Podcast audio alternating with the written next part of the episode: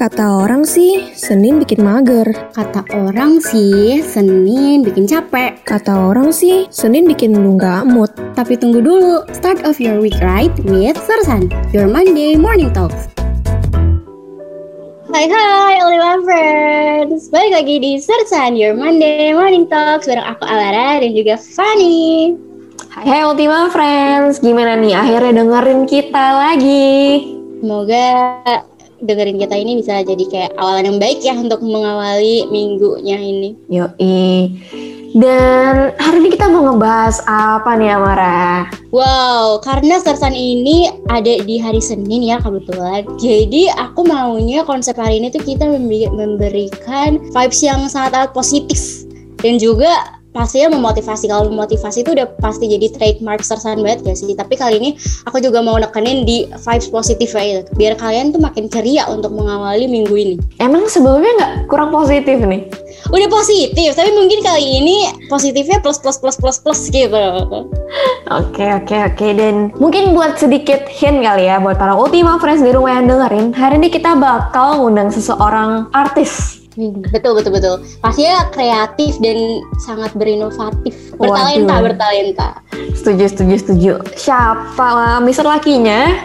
Kita langsung panggil aja kali ya daripada Ultima Fresh di rumah penasaran gitu. Betul banget. Ini dia Boer Sutanto. Hai. Hai hai. Halo, halo Tamara dan Fani. Bener gak sih Bukan Tamara? Amara. Iya, sorry, sorry, sorry. Amara dan Fani, halo. Apa kabar kamu? Gimana? Baik, baik, baik, baik, baik. Fani dan Amara, kalau Amara dan Fani bagaimana? Apakah baik? Apakah baik-baik saja? Aku kabarnya baik, alhamdulillah. Udah selesai UAS, jadi sedikit tenang lah ya. Oh wow. UTS gak sih? Oh iya salah UTS. Udah mau cepet lulus banget, Amara. Iya UTS tahu. Aku aja tahu lagi UTS kan ada anak magang lagi UTS. Oh kirain Kak Gwen masih kuliah. Oh ya sebenarnya masih kuliah lah. Sebenarnya sih dibilang gitu ya. Mirip-mirip lah ya. Mana anak kuliahan emang masih muda banget, masih muda banget. Oke oke oke. Nah, Kak Bowen ini tuh dikenal sebagai yang bikin poster YouTube Rewind 2021 nih. Masa sih? Ya ampun, aku aja nggak uh. tahu loh.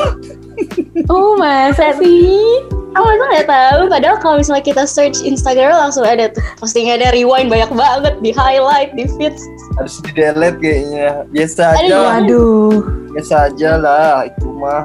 Jangan dong, itu achievement yang sangat amat membanggakan Indonesia. Wow, wow, lebay banget, lebay banget. Ya, gimana? Tapi uh, bener-bener menurut aku sih keren banget sih kak. Kayak. Thank you. Hmm, gitu. Speechless lah liatnya. Thank you, thank you. Mungkin karena ya. kalian bukan anak DKV kali. Kalian jurusan apa? Ya sih, betul. Aku anak ilmu komunikasi. Kayak nggak ngerti banget tentang DKV. mungkin kalau buat anak DKV ah biasa aja biasa aja gitu mungkin kita ini luar biasa kalau Fanny aku Fanny anak jurusan apa? Kalau aku aku dari jurusan jurnalistik sih. Oh jurnalistik. Iya. Oke lah kalau jurnalistik. Oke okay, aku mau nanya. Habawen gimana perasaannya bekerja sama sama orang-orang yang keren-keren yang kreatif untuk membuat suatu karya yang sebesar YouTube Rewind yang kayak seluruh Indonesia nonton gitu. Iya aku seneng banget. Itu tuh kayak dreams come true banget uh. gitu. kayak ih kayak apa ya kayaknya kayaknya tuh satu banding satu juta deh bisa kayak gitu gitu. Jadi aku happy banget bisa kerja bareng idola-idola gitu. Oh idola. Ini ini tuh beneran apa? Gimana nih kak? Beneran dong beneran. Masa masa bercanda? Enggak lah beneran beneran Audion Chandra Leo tuh idola lah dari kuliah dulu. Dari kuliah di UMN ya kan? UMN tuh emang kampusnya influencer emang banyak influencer tapi kan kita beberapa ada yang nggak jadi influencer gitu kan jadi ya udah kita jadi masyarakat biasa lah gitu Gak apa-apa kok, kita yang penting masih hidup lah ya. Tapi aku beda aja. Apa sih sebenarnya perbedaan kayak desainer biasa sama digital imaging artist ini? Itu tuh analoginya mungkin gak gini, gini, gini. Uh, kalau desainer itu uh, pekerjaannya problem solving sebetulnya. Lebih ke arah you solve a problem gitu. Misalnya ada problem di masyarakat di diselesaikan dengan desain gitu. Misalnya ada kayak apa ya aduh ngomong Indonesia nya pakai ada ada masalah sosial gitu. Misalnya ada masalah sosial terus orang ini uh, desainer ini misalnya bikin poster atau bikin campaign yang yang membuat itu jadi selesai gitu dengan desain gitu jadi kita lihat secara secara luas ya desain itu. Sedangkan kalau digital imaging artis sendiri itu dari namanya udah artis. Artis itu tuh seniman gitu. Yang di mana seniman itu bekerja untuk mengekspresikan apa yang dia pengen gitu, apa yang dia pikirkan. Jadi lebih ke arah orang kalau nggak ngerti karya gue juga nggak apa-apa gitu. Yang penting yang penting seni gitu. Itu kan uh, seni yang lebih ke arah seniman. Jadi bedanya itu sih. Uh, nah kalau aku sendiri itu dia artis yang berkecimpung di dunia komersil yang di mana uh, eh, DI-nya itu lebih digunakan untuk iklan-iklan kayak gitu-gitu lebih karena itu. Kan ke, kayak contoh kayak ilustrator. Ilustrator kan juga ada yang berkecimpung di dunia komersial. Jadi jatuhnya untuk iklan-iklan untuk bisnis kayak gitu-gitu juga. Tapi dibilang problem solver mungkin nggak juga. Karena uh, itu pekerjaan agensi ya biasanya. Uh, agensi itu mikirin strategi uh, strategi marketingnya gimana. Nah kita yang mengeksekusi ide-ide mereka. Jadi kita nggak keluar ide sebetulnya. Kita lebih ke arah mikirin estetikanya bagusnya gimana gitu. Lebih ke arah gitu sih oh Bedanya. artinya emang seluruh ide dan lain-lain hal itu emang udah disediain ya? Dari kabawan hmm. emang tinggal jalanin aja gitu? Ya kalau sehari-hari aku begitu. Tapi kalau untuk rewind case-nya beda. Uh, kalau itu memang kolaboratif ya. Jadi si Chandra tuh datang terus dia bilang ide dia begini-begini gue pengen bikin filmnya kayak gini-gini. Menurut lu posternya kayak gimana? Jadi uh, tim aku mikirin idenya juga terus uh, rough composing juga terus baru bikin posternya gitu oh, visual yang baiknya okay. gimana gitu. Yes yes yes. Nah, artinya sejauh ini pasti udah banyak banget dong karya-karya dari Kak Bawen sendiri dan apa sih yang paling menurut kakak tuh paling oke okay nih paling banget disukain gitu? Rewind lah, rewind rewind lah, rewind. Aku suka banget tuh rewind karena kan itu uh, bekerja dari idola ya, gitu. Padahal tadi awalnya agak sedikit gimana gitu ngomongin hmm. terus sekarang kayak sangat bangga ya kak. iya aku emang bangga. Kamu jangan buat-buat Tamara. Aku emang lo, bangga lo tadi tadi katanya mau ngapus dari Instagram ayo oh enggak. Enggak bukan gitu. Maksudnya kan tapi seorang selalu bilangnya ini yang bikin poster rewind selalu bikin poster rewind gitu mulu. Jadi aku capek. Tapi hmm. apa juga sih aku bangga kok. Aku memang pembuat poster rewind gitu kayak gitu ya. Asik asik. Artinya emang dipilihnya karena emang bekerja sama bareng idola gitu ya? Atau ada alasan-alasan lain gak sih kak? Memilih itu sebagai karya terbaik? Um, apa ya? Alasan lainnya. Alasan lainnya memang memorable juga sih. Uh, apa ya? Kapan lagi bikin karya itu timnya banyak gitu. Karena waktu bikin rewind itu kan timnya banyak ya gitu. Jadi dan mereka concern juga semuanya uh, ngasih masukan juga ngasih uh, tektokannya tuh banyak gitu. Jadi cukup memorable ketika bikin poster itu gitu. Kayak oh emang kita mau bikin karya yang bagus banget gitu. Meskipun pada akhirnya ya netizen netizen kan gitu ya bukan poster ya tapi maksudnya lebih ke arah filmnya dibanding bandingnya tahun lalu dan sebagainya. Ya menurut aku padahal sebetulnya konsepnya beda aja gitu. Terus ada lagi tentang sponsor drama-drama itulah.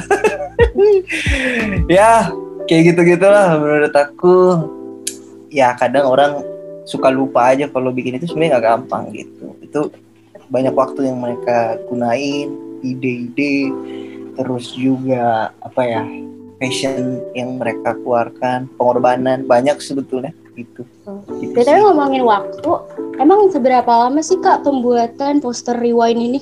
Saya aku lima hari ya uh, bikin ini. Maksudnya lima hari itu gini, uh, itu teknisnya doang gitu dan dicicil gitu. Jadi aku kan karena ada kerjaan lain juga, jadi ngerjain ini juga sembari gitu.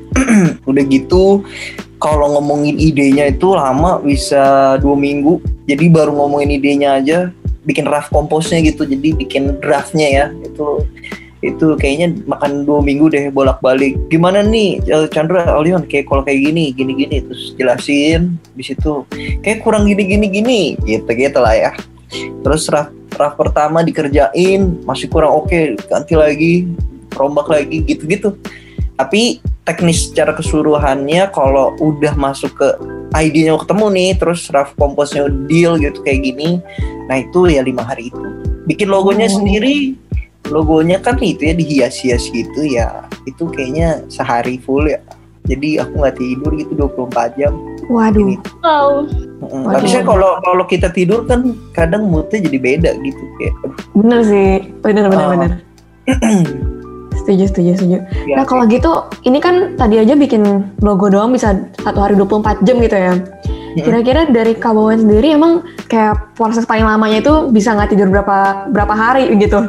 Jadi satu desain, Nggak, satu nggak, karya. Gini gini, kalau kayak poster rewind, poster rewindnya sendiri yang officialnya itu, hmm, itu kan dicicil ya sebetulnya. Makanya biar aku ya tidur. Eh, kalau dikejar ya aku nggak tahu itu bisa berapa lama. Eh, mungkin mungkin lebih cepat pasti. Cuman kan hasilnya jadi nggak maksimal gitu. Kalau dicicil kan otaknya fresh lagi. Tapi kalau bikin logonya doang kan kayak kalau dicicil kan kayak agak aneh aja gitu bikin logo kok sampai dicicil gitu itu kan sebenarnya bahkan bukan bikin logo tapi menghias logo ya karena kan logonya sebenarnya udah ada dari tahun lalu terus ini dipindahin aja gitu menghias logo gitu Tapi record yang kayak kalau misalnya di luar rewind itu ada nggak sih karya lain yang sebenarnya Kak Bowen tuh tidur misalnya nggak tidur 48 Oh, ada. jam gitu. ada pas bikin ya nggak tidur terus eh, Itu berapa hari nggak tidur Kak? nggak ya ya pasti mungkin sehari doang sih masa kayak kalau dua hari nggak tidur meninggal ya atau kan di opnam ya mungkin ya nggak tahu juga cuma nggak pernah aku aku biasanya kalau habis habis satu hari nggak tidur ya paling sorenya tidur maksudnya besoknya habis itu sore baru tidur kalau misalnya belum kelar ya harus ditidurin dulu gitu ya gitulah jadi oke. dia artis menderita memang Emang Ya. jadi dia artis itu kayak emang tidurnya pasti akan berantakan gitu atau gimana sih kak? Enggak, karena mungkin karena aku cupu aja jadi harus harus dipaksa. Ini kalau jago kan bisa cepet ya, langsung sat set sat set. Kalau aku kan pelan-pelan, leha-leha gitu-gitu. Mungkin nggak leha-leha juga sih sebenarnya. Ya gitu, tergantung skill, tergantung jam terbang juga sebetulnya. Gitu. Ya beda-beda lah ya tiap orang gimana cara kerjanya, terus harus disesuaikan juga sama kemampuannya dia kayak gimana. Nah tapi aku nanya lagi nih tentang ya tugas-tugas kerjaan gitu lah ya.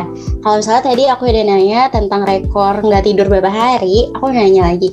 Seminggu itu paling banyak Kak Bowen tuh dapat deadline berapa? Apakah 720 deadline atau gimana? 120 deadline buset. Eh, ini keseharian maksudnya sehari-hari ya.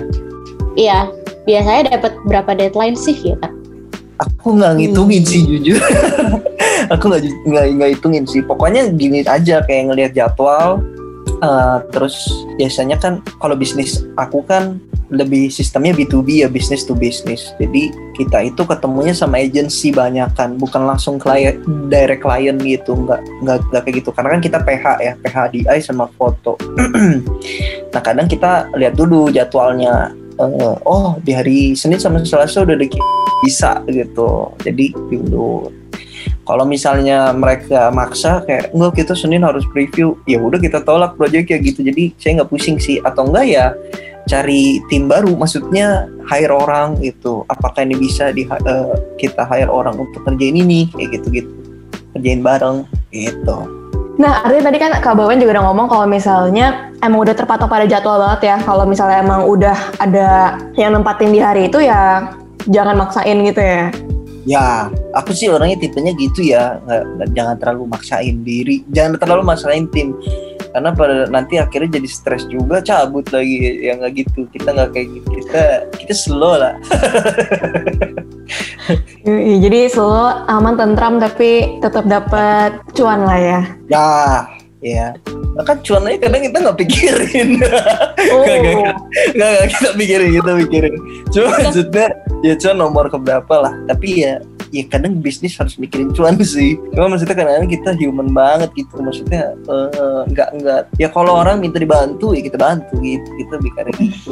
Waduh, baik banget Kak Bawen ini. ya baik. Saya tuh baik antara baik atau jadi bingung juga. Bingung juga. Orang tuh kalau bilang Bo lu tuh nggak layak deh kayaknya jadi bisnismen ya ya gimana? Gitu emang. Emang saya gitu orangnya. Gitu. Gak pahala banyak. Hmm. ah pahala banyak lah penting. Amin, amin. Amin. ya gitu Terus aku juga pernah tahu kak kalau kayak aku sering banget ngeliat orang kayak meme gitu ya. Kayak kalau desainer itu sering banget di, dimintain harga spesial gitu sama temen. Atau kayak banyak banget ketemu sama klien-klien yang nyebelin, yang revisinya bejibun kayak berkali-kali gitu. Kalau Kak Bawen sendiri tuh relate gak sih sama meme seperti ini? Yolah dulu tuh dulu juga ngalamin itu sebetulnya tapi saya sih bantu mereka.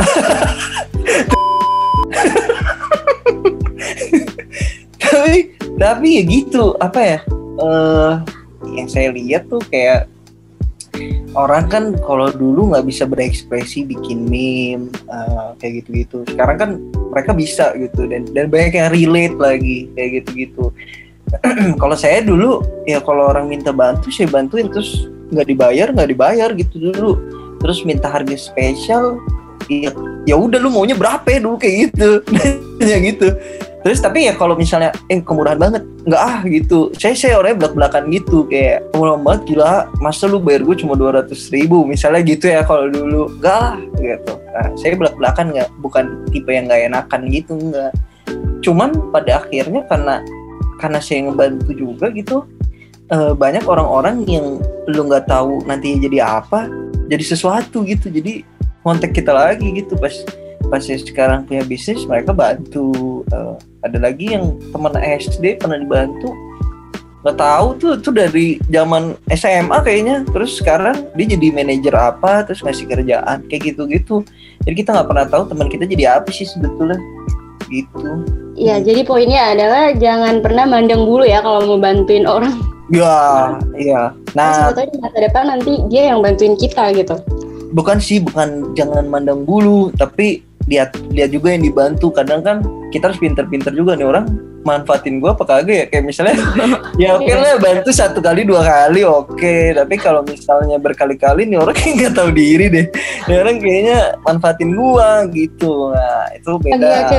Bener, bener, bener, bener. BTW aku yang nanya, dari banyaknya pengalaman kamu, kayak dari kuliah, dari kerja, terus kayak sebenarnya kalau misalnya buat karya-karya gitu, ada nggak sih masa di mana Bowen tuh stuck idenya nggak mau nggak tahu mau buat apa kayak gitu.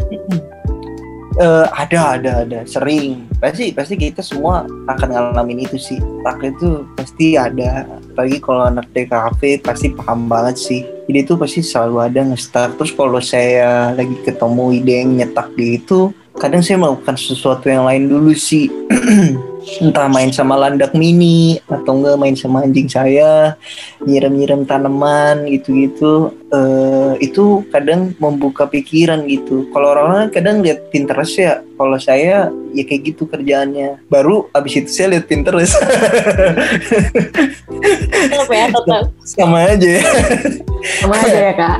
ya sebenarnya moodnya udah enak gitu udah tenang ya kan? Udah asik lagi udah enak gitu Ya, berarti Hmm. kalau misalnya udah jenuh gitu emang perlu take a break dan kayak healing dulu ya sedikit terus baru balik lagi nih ke kerjaan gitu.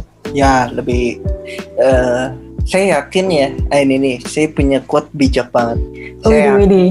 Eh, saya yakin karya yang bagus itu tuh bukan dibuat dari komputer dengan manusia gitu. Maksudnya lu cuma sendiri aja gitu sama manusia gitu. Enggak. Tapi justru karya yang bagus itu ketika lu obrolin dengan orang-orang lu berdiskusi dengan orang-orang. Jadi ketika lu lelah habis itu lu nggak tahu mau bikin apa lu ngobrol gitu sama mereka. Karena kadang ide-ide brilian itu keluarnya dari manusia gitu bukan dari komputer bukan dari Pinterest juga gitu. Kalau lihat Pinterest kan konteksnya kita cuma ngeliat terus ini ide bagus nih terus kita ikutin kita modif konsepnya kan gitu kan tapi pernah nggak sih berpikir untuk bikin eh, sesuatu yang original gitu bener-bener original yang di mana kalau ada quote-nya itu sebetulnya nggak ada yang original lagi sih di dunia ini gitu cuman nggak ada salahnya untuk mencoba gitu untuk bikin yang original keren banget kan gua gua bukan Keren pelawak banget, keren banget. Keren banget. gua bukan perawak Oke, sekarang jadi motivator. Hmm. Yo. Gak tahu nih tiap kali podcast atau tiap orang kenapa sih gue jadi so bijak gitu Gak tahu tuh aneh banget Aneh Bagus banget kak. Mungkin uh, menggali kemampuan yang sebenarnya Kak Bowen tuh nggak tahu punya gitu. Ya dan itu kadang cuma bisa diobrolin sama orang gitu Menurutku gitu Oke oke oke. Terus menurut Kak Bowen sendiri gimana sih cara jadi kreatif atau mempertahankan kreativitas tersebut? Be- Berkumpul dengan orang-orang yang kreatif juga menurut gue gitu ya. Eh, Karena gini kalau misalnya kita kreatif sendiri ya udah eh, Lu pasti suatu saat akan jenuh. Tapi kalau lu berkumpul dengan orang-orang yang kreatif juga ya otomatis perkumpulan itu akan membawa lu untuk jadi kreatif gitu. Akan lebih lagi gitu lebih lagi lebih lagi dan stay kreatif gitu. Itu yang paling penting sih menurut gua gitu sih. Aku relate juga sih, walaupun aku nggak sekreatif itu ya. Tapi maksudnya aku kan kayak suka main make up gitu ya, kayak adalah artnya sedikit gitu. Tuh aku kreatif kalau lah misalnya- itu Terus aku kayak kalau misalnya mau bikin ide-ide baru tuh seringnya kayak nanya-nanya atau ngobrol-ngobrol sama ya orang-orang yang suka make up juga. Jadi kayak saling tuker ide, saling tuker imajinasi. Jadi bagusnya kayak gimana? Jadi nggak kayak cuma searching di YouTube atau nggak searching di Google, di Pinterest gitu-gitu. Jadi kayak bener sih kata Kak Ben kayak banyakin ngobrol gitu. bener keren kan gue bener kan lu Iya. setuju kan Sangat memotivasi. Oke, kalau misalnya aku ngeliat di Instagramnya Kak Bowen ya, ini tuh kayak karya-karyanya itu sangat menurut aku tuh out of the, out of the box gitu loh kak. Unik-unik Makasih. gitu lah. Iya iya. Makasih sih makasih Iya, loh aku- aku kalau nggak stalk sampai bawah tuh kayak ada orang yang pokoknya intinya unik banget deh menurut aku. Iya maksudnya kayak apa nih maksudnya gitu? Maksud dari gambar ini itu apa gitu? Bertanya-tanya banget. Kalau misalnya dari Kak Bowen gitu sih, gimana sih? Udah biasa Kak Bowen bisa nyiptain karya-karya yang unik. Ya, Hmm, karena itu nggak out of the box. Berarti Aduh. emang kitanya aja kali ya. Ah, ya enggak, enggak, ya, enggak. ya, ya. Menurutku, menurutku ya biasa aja sebetulnya. Aku eh, seneng waktu bikin ya, gitu sebetulnya. Terus ya kan itu ber, berekspresi kan, mengekspresikan diri sendiri gitu. Eh, apa yang dipikirin, mau bikin apa kayak gitu, gitu. Memvisualkan suatu kejadian juga, ada juga yang kayak gitu. Iya, eh, apa ya? Gak tahu aku juga bingung mau ngomong apa ya. Cuma ya kayak gitu eh, hidup aku ya kayak gitu berfantasi hidup kayak gitu. Kadang-kadang aku juga ngedit nggak nggak nggak diupload juga. Kadang-kadang cuma buat diri aku aneh banget gak sih? Kadang kalau habis sedih yang ngedit itu aneh banget kan? Aneh banget itu aneh banget weh. Kalau sedih ngedit. Iya, karena sebetulnya eh, menurutku ya DI itu tuh jatuhnya jadi kayak meditasi gitu ya. Hmm, iya, Eh, ngerti, ngerti, ngerti. Jadi kan kita sebetulnya kayak gambar, kayak gambar gitu. Kalau kalian suka gambar kan ngarsir gitu-gitu kan, Eh, terus bikin shadow, bikin lighting, eh bikin bikin highlight. Eh, ya itu, itu tuh kayak kayak kita kadang-kadang nggak ngeh aja lagi bikin itu. Kalau saya gitu, kadang-kadang nggak ngeh aja lagi bikin itu gitu. Jadi kalau lagi sedih juga ngapain ya? Oh ya udah ngedit ah gitu. Hmm. Mungkin kayaknya emang udah bawaan dari dalam, udah suka banget kayak sama DI ini ya. Jadi mau sedih pun ya udah, kayaknya ini emang jalan kebahagiaan gitu ya. Iya. Ta- Tapi dibilang gini, eh kalau di kan sebenarnya dari hobi ya, habis itu jadi kerjaan kan. Lama-lama muak juga sih sebenarnya kalau di untuk kerjaan itu. Jadi kadang-kadang ya aku bikin itu, bikin karya-karya yang sesuka hati aku aja gitu. Eh, nah kalau itu beda lagi gitu. Kalau bikin untuk sendiri itu ya jatuhnya lebih happy karena kan kita bikin apa yang kita mau. Terus kalau udah menurut kita udah bagus ya udah nggak ada yang menilai gitu. Tapi kalau kerjaan sebetulnya kan capek ketika orang nilai karyanya habis itu dia revisi kayak gitu kan. Ya lu kayak dinilai aja habis itu ini bulet dibulet-buletin diapain terus revisinya banyak. Ya itu melelahkan juga sebetulnya. Jadi kalau dibilang kerjaannya bikin happy juga, ya biasa aja. Nggak buruk, nggak nggak happy juga. Maksudnya biasa aja gitu, biasa aja. Kadang ada ada juga kerjaan-kerjaan yang bikin happy. Rewind gitu contohnya. Hmm. Balik lagi nih. Hmm. Rewind sangat amat bangga. kakak pernah nyampe kayak titik terbawah kayak udah capek banget nih capek banget apa ngurusin bikin karya uh, digital imaging kayak gini tuh kayak capek banget. Pernah nggak sih? pernah pernah pernah sih. Eh, capek karena layoutnya gitu-gitu aja gitu. Eh, apalagi gini kayak sekarang tuh hmm, pokoknya kelihatan lah setiap tahun tuh trennya tuh DI-nya lagi ngapain gitu sebetulnya. Kayak misalnya ntar company yang ini bikin kayak gitu terus sama ntar company yang ini bikin kayak gitu juga ntar bikin kayak gitu juga satu lagi. Jadi repetisi dan kayak gitu-gitu terus gitu. Aku nggak ngerti agensinya ini agensinya padahal kan beda-beda ya. Cuma maksudku apa gitu yang dipikirkan agensi sebenarnya? Itu itu pertanyaan aku. Atau yang dipikirkan klien. Karena kadang gini ketika agensi udah ngeluarin, ngeluarin idenya bagus juga kadang-kadang kepental sama klien. Karena klien ngeliatnya "Ih, karya yang works tuh yang itu tuh. Jadi dibikinnya kayak itu gitu. Nah menurut aku eh, menurut aku tuh buruknya itu gitu. Padahal sebetulnya eh, klien tuh harusnya lebih berani lagi lah. Maksudnya lebih berani lagi untuk nyari ide yang lebih beda. Lebih beda bukannya sama atau atau baru tapi beda gitu.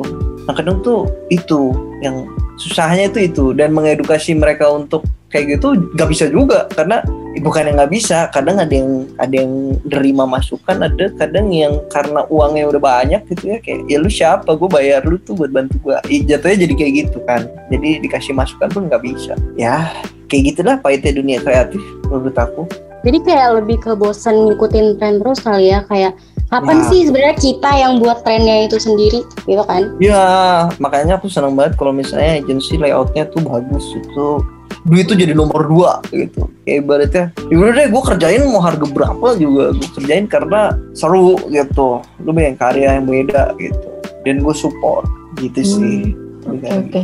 Tadi kan kakak juga ngomong kayak bosen banget karena emang itu-itu aja gitu. Terus kayak pernah nggak sih kakak ngerasain sampai ke art block gitu, ngerasain art block? Kayak ini ya, aduh gue nggak pengen banget deh, udah gue bener-bener nggak pengen banget ngapa-ngapain Hmm. ini apa nyeni gitu gue bener. Ya, eh mung- pernah mungkin tapi gimana ya? Aku selalu bisa memanage itu sih sebetulnya. Gila jadi sombong sekarang. Wih, ya kita tuh selalu bisa memanage itu gitu kayak eh, dan itu kan kita belajar sebetulnya di kampus menurut aku. Eh, udah dikasih tugas itu itu aja terus nah cuman jadi kita mau manage memanage itu gitu. Feeling feeling itulah emotion itu yang di di manage gitu. Ya itu salah satunya ya punya hobi eh, pacaran gitu kan Hmm, nonton gitu gitu oke. Em- Jadi emang cara nge-manage biar nggak ngerasa, biar bisa balik lagi gitu ya, nggak terlalu lama-lama di kondisi art block itu, ya cari hobi terus pacaran nonton gitu ya kak. Nah, ya kecuali ya sakit hati mulu. Nah itu aja bisa jadi karya sebetulnya kan. Misalnya ditolak cowok mulu kan kalian misalnya gitu. Paling mah marah kayak nggak mungkin. We never Hmm. know. We never Oh. know. Oh we never know. Gua pernah juga berarti yang marah ya ditolak. Aduh jangan dibuka dong kartunya. Ya iya iya lupa net. Ini nanyain saya ya harusnya ya. Betul. Iya iya. Ini Mister Lakinya Kak Bowen kebetulan. Kalau dari Kak Bowen sendiri, kakak ada nggak sih kayak mungkin saran buat orang-orang yang mungkin baru terjun di dunia ini juga gitu. Gimana bisa cara nanganin art block kayak tadi gitu dan cara biar bisa mikir kreatif gitu. Eh, orang-orang awam terus baru belajar DI gitu maksudnya ya. Hmm. Eh, menurutku sih justru kalau orang awam baru belajar DI itu eh, harusnya mereka masih semangat semangat ya bikin art menurut aku. Jadi eh, kayaknya kalau aku inget-inget dulu pas baru-baru nyobain Photoshop itu kan SMA ya eh SMP kelas 3 apa ya kendalanya apa ya? Kadang di uang justru atau enggak di waktu. Eh waktu sih ada ya selalu kalau anak sekolah di uang lah kadang-kadang misalnya apalagi sekarang sosmed ya yang di mana-mana ngasih ngeliatnya komputernya VGA-nya RTX kayak gitu-gitu kan.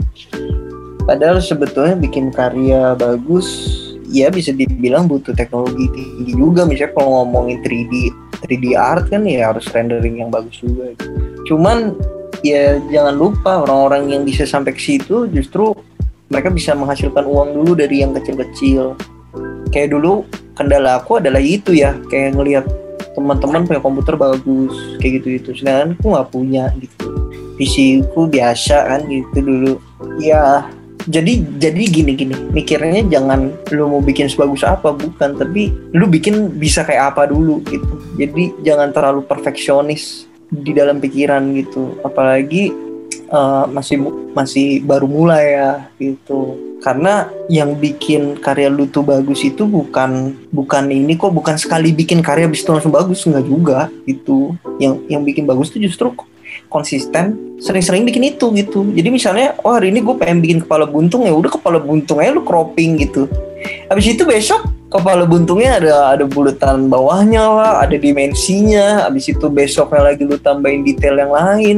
Jadi seringnya lu buka appsnya itu seringnya lu mengerjakan itu sebetulnya bukan ada yang ini nih perfect gue pengen bikin kayak gini bener-bener mirip ya itu bagus juga tapi jangan terlalu keras sama diri sendiri lah gitu hmm Iya, gue keren banget gak sih? Tuh, keren banget, keren banget. Tepuk tangan semuanya, tepuk tangan semuanya. Wah, keren banget. Aku jadi banyak banget bisa mengutip nih dari kalimat-kalimat motivasi dari Kak kayak. Eh, ke untuk kebanyakan nonton ini tau. Deddy Kobuzer mungkin gue kebanyakan nonton Deddy Kobuzer atau apa. Jadinya sosok bijak gitu. Padahal mah kagak bisa aja. Kayaknya role model role model Kak Bowen Deddy Kobuzer ya? Bukan bukan bukan. Ya kan dia pesulap. Saya kan sulapnya di digital gitu jadi beda. Beda gitu ya. Dan durasi kita kebetulan udah hampir dua jam ya. Kayak oh, mungkin iya, iya. kita harus menutup uh, perbincangan kita kali ini karena udah banyak banget insight yang kita dapat dari Kak Bowen sebagai pelawak, DI, motivator, pokoknya banyak banget yang semoga akan menjadi chef. Makasih banget buat hari ini atas semua perbincangannya sangat amat memotivasi dan pastinya berguna bagi Ultima. Setuju banget, setuju banget. Yes, Ultima Friends, see you on the next episode. Aku Fanny pamit undur suara. Kalau juga pasti ya undur suara karena nggak mungkin aku nemenin Ultima Friends sendiri aja. Betul. Dadah. Dadah. Peace out.